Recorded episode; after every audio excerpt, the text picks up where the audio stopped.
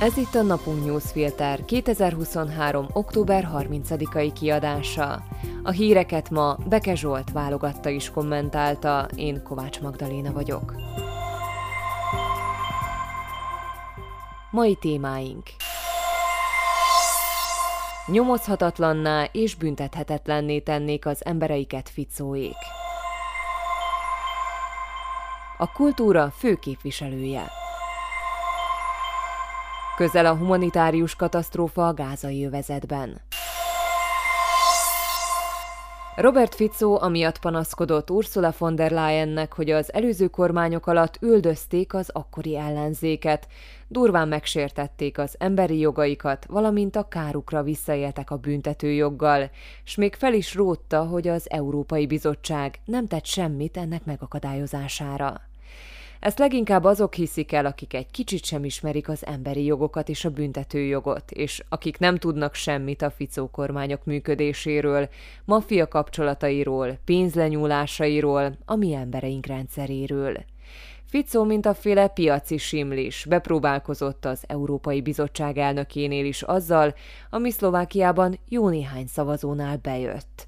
És nem ez volt az utolsó pofátlanság, amivel találkoztunk a kormányzása alatt. Többféle front kialakult az előző kormányok idején. Volt egyrészt az, ahol a rendőrség a visszaéléseket, a korrupciót és más bűncselekményeket igyekezett felderíteni, amik nagy része erősen kötődött a korábbi Ficó kormányokhoz. Más része pedig a Smerodina nevű egykori kormánypárthoz, a maffia rezsim trójai falovához. De kialakult egy másik front is, ahol az ezekben az ügyekben dolgozó nyomozókat igyekeztek diszkreditálni. Elindult a rendőrháború titkos szolgálati szállal, a bíróság által is alaptalannak mondott eljárással a nagy politikai ügyekben eljáró nyomozók az úgynevezett Csurilla csapat ellen, a főügyész törvényellenes beavatkozásával az ügybe. Lettek gyanúsítottak, eljárás folyik sok ember ellen, elmarasztaló ítéletek is születtek, ahogy azt a jog előírja, és ezek az emberek egyre másra megjelennek Ficó új kormányának környezetében és tisztségviselői közt. Matús Sutály Estok belügyminiszter pedig rögtön egy törvénysértéssel kezdte meg a munkáját, Felmentette ugyanis a munkavégzés alól a védett bejelentői státusszal rendelkező Csurilla csapatot, s ma reggel azután sem engedték be őket az irodáikba, hogy kiderült, a miniszternek erre nem volt joga, mivel a bejelentővédelmi hivatal beleegyezése nélkül lépett. A nyomozók ügyvédje szerint a belügyminiszter ezzel visszaélt a hivatali jogkörével, és akár 600 ezer eurós pénzbírságot is kaphat a tettéért. Az ügy minden bizonyal a bíróságon folytatódik. Ami Ficóék számára fontos, hogy a nyomozók addig sem végezhetik a munkájukat. Ma a kormányfő meglehetősen rosszul időzítve, bár ez talán nem mindenkinek tűnik fel, megszólalt Sutályestok védelmében. Ficó azt mondta, hogy válaszunk azokra a büntettekre, barbárságokra, rosszakaratú tettekre, amiket a Csurilla csapat, Hamran és a hasonlók követtek el, nem revans lesz, hanem személyeket érintő tárgyilagos döntések, amelyek összhangban vannak a törvényekkel és bejelentették a szándékukat egy másik védett bejelentői státusszal rendelkező rendőrtiszt, a rendőrség belső ellenőrzésének vezetője Peter Juhász elmozdítására.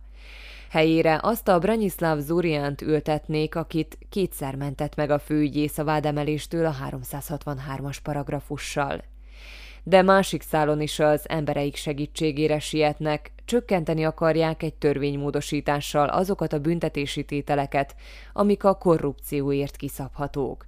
Csúsztatással a nyugati mintákra hivatkoznak, és mint egy az azzal való kiegyenlítésként szeretnék eladni a javaslatot. Nyugaton valóban vannak kisebb tételek, ahogy vannak nagyobbak is. Olyan azonban nincs, mint ami Tomás Taraba előző ciklusban tavasszal beterjesztett javaslatában szerepelt, amely szerint csak felfüggesztett büntetés járhatna ezért a büntettért. Egyes információk szerint erre alapozná a saját módosító javaslatát Boris Szuszko igazságügyi miniszter. Ma Robert Fico ízelítőt is adott a változásokból. Megerősítette egyrészt, hogy a szerinte drákói törvényeket lazítani fogják, és ahogy fogalmazott, a vagyonelkobzás alkotmányellenes büntetését is megszüntetik. Így erősödik meg Magyarország után Szlovákiában is a nemzeti nagybirtokos réteg. Nem kell hozzá nagy jós tehetség, hogy lássuk, mik lesznek a következő lépések. Elég délre fordítani a fejünk. Martina Simkovicsová, a szlovák köztársaság kulturális minisztere az első csehszlovák köztársaság megalapításának évfordulója alkalmából levelet írt cseh kollégájának, Martin Baxának. Martina Simkovicsová, a szlovák köztársaság kulturális minisztere megmutatta, hogy milyen irányba vihet el a hozzá nem értés.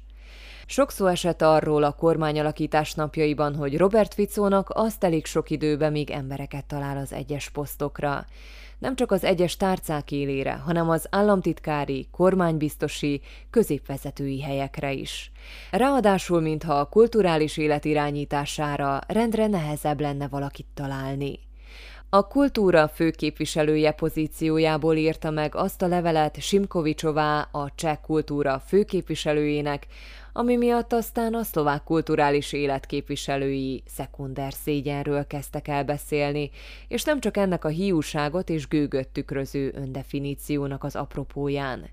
Pedig az is megér egy misét, ahogy a hübrisz, akár egy irodalmi szöveg hangsúlyos motivuma felfelbukkan különböző alakban, más-más retorikai szerepben a kulturális miniszter levelében.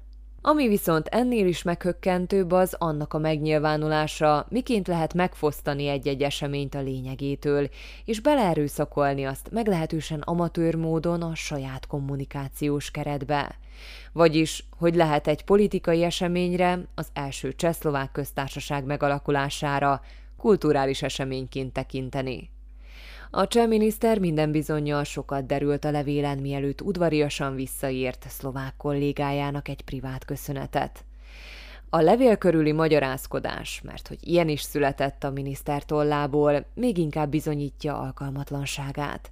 És itt sem a szakmai atlanságot elfedő, életvezetési tanácsadást imitáló stílus az, amit egyedüliként fel lehet róni Simkovicsovának hanem például azt, ahogy a kultúra fogalmát meghatározza, Idézzük, a lakosság örül az államalapításnak, ünnepli azt, a művészek énekelnek, táncolnak. Ez az a bizonyos kulturális rész. És én a kulturális tárca képviselőjeként ebben a szellemben szeretnék ehhez hozzáállni. A kultúra ezek szerint ének és tánc egy politikai eseményen. Egy ilyen esztétikai fejtegetés után még kínosabb, hogy kritikusainak azt írja, minden, amit nekem, mint a szlovákiai kultúra főképviselőjének írnak, olyan, mintha mindenkinek írnák, aki az általam képviselt kultúra területén dolgozik. Ők az én embereim, és ameddig az erőm engedi, védeni fogom őket, még ha a szakmán kívül olykor nem is egyezik a véleményünk. Simkovicsová arról a lehetőségről nem ír, hogy mi van akkor, ha már a szakmán belül sem egyezik a vélemény, de remélhetőleg számol ezzel a lehetőséggel. Mert az biztos, hogy az ismertetett kultúra definíciót, a prezentált stílust és módszereket a szlovák kulturális élet jelentős része el fogja utasítani. Idővel pedig a minisztert is, ami nem sok jót ígér sem a kulturális széna, sem pedig Simkovicsová jövője szempontjából. Egyre nagyobb eséllyel fenyeget humanitárius katasztrófa a gázai övezetben, és ez az, ami senkinek nem fog használni. Miután közel egy hónapja Hamász megtámadta Izraelt és háború tört ki, ott kísértett egy ilyen katasztrófa veszélye. A napok múlásával, a harcok fokozódásával egyre közelebb vagyunk hozzá. Izrael jogát válaszlépéseket tenni a terrorcselekményre nem lehet tagadni. Ugyanakkor a Save the Children nevű segélyszervezet állítása, mely szerint ez alatt az egy hónap alatt annyi gyerek esett áldozatul, mint az elmúlt években a világ összes többi konfliktusában összesen, nem lehet, hogy ne rajzolja át a gondolatainkat. A gyerekáldozatok emelkedő száma mellett ott van az élelmiszer, az ivóvíz hiány, az energiaforrások elvágása, a gyógyszerek elérhetetlensége az akadozó segélyszállítmányok. A Hamász azon igyekezete, hogy a meglévő erőforrásokat katonai célra használja, és a folyamatos katonai akciók mindkét részről. Ahogy a beszámolókból kiderült, az anyák ráírják gyerekeik nevét a lábukra, hogyha találat érni őket, azonosítani lehessen az áldozatokat. Nincs áram a hűtők üzemeltetésére, a halottas házak nem működnek, a bomlásnak indult tetemek pedig megfertőzik a vizeket, járványok elindítói lehetnek. Az offenzíva támogatása nem teljes az izraeli lakosság körében sem, és sok függ attól is, hogy miként reagálnak Izrael szövetségesei és ellenségei. Ne feledjük, egy olyan területről van szó, ahol szinte lehetetlen kizárni a civil áldozatokat. Ebből pedig az következik, hogy a harcok kiterjedése is az emiatt elmélyülő humanitárius katasztrófa egyre inkább az övezetbe behatolók ellen hangolja a közvéleményt, aminek beláthatatlan következményei lehetnek. Hírek egy mondatban. Nem világos, hogy a társadalombiztosító miből fizeti majd ki a 13. havi nyugdíjat. Hívja fel a figyelmet a Database Pátoszú adatok pátosz nélkül szervezet. Azt feltételezik, hogy amennyiben a kormány kölcsönt vesz fel emiatt, Szlovákia tiszta adóssága 8-10 milliárd euróval magasabb lesz, mint most. 67 éves korában elhunyt Pásztor István a Vajdasági Magyar Szövetség és a Tartományi Parlament elnöke. Bár a belügyminisztérium újabb menekült hullámtól tart, a tranzitmigráció már ötödik hete meredeken csökken Szlovákiában. A csökkenés a balkáni útvonallal kapcsolatos intézkedések és az időjárás változása miatt történik, figyelmeztetett Branislav Tihi, Román Mikulec korábbi belügyminiszter tanácsadója.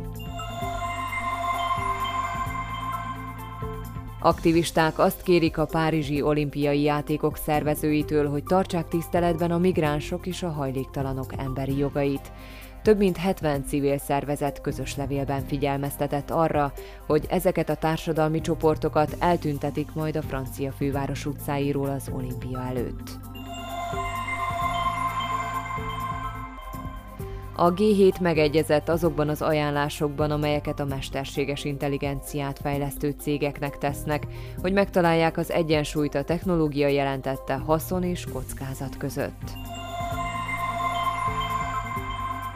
A vágsejei duszlógyár a földgáz egy részét zöld hidrogénnel helyettesíteni, amit szél- és naperőművek által fejlesztett áram segítségével állítanának elő. Az SZSZ egykori igazgatója Vladimir Pcsolinszki elleni vádemelést egy Besztercebányai bíróságon Rastislav Stieranka kapta. Az a bíró, aki korábban eljárási hibákra hivatkozva már elutasított egy Pcsolinszki elleni vádemelést. A mai napunk newsfilter híreit válogatta és kommentálta Beke Zsolt. Én Kovács Magdaléna vagyok, a Viszonthallásra holnap.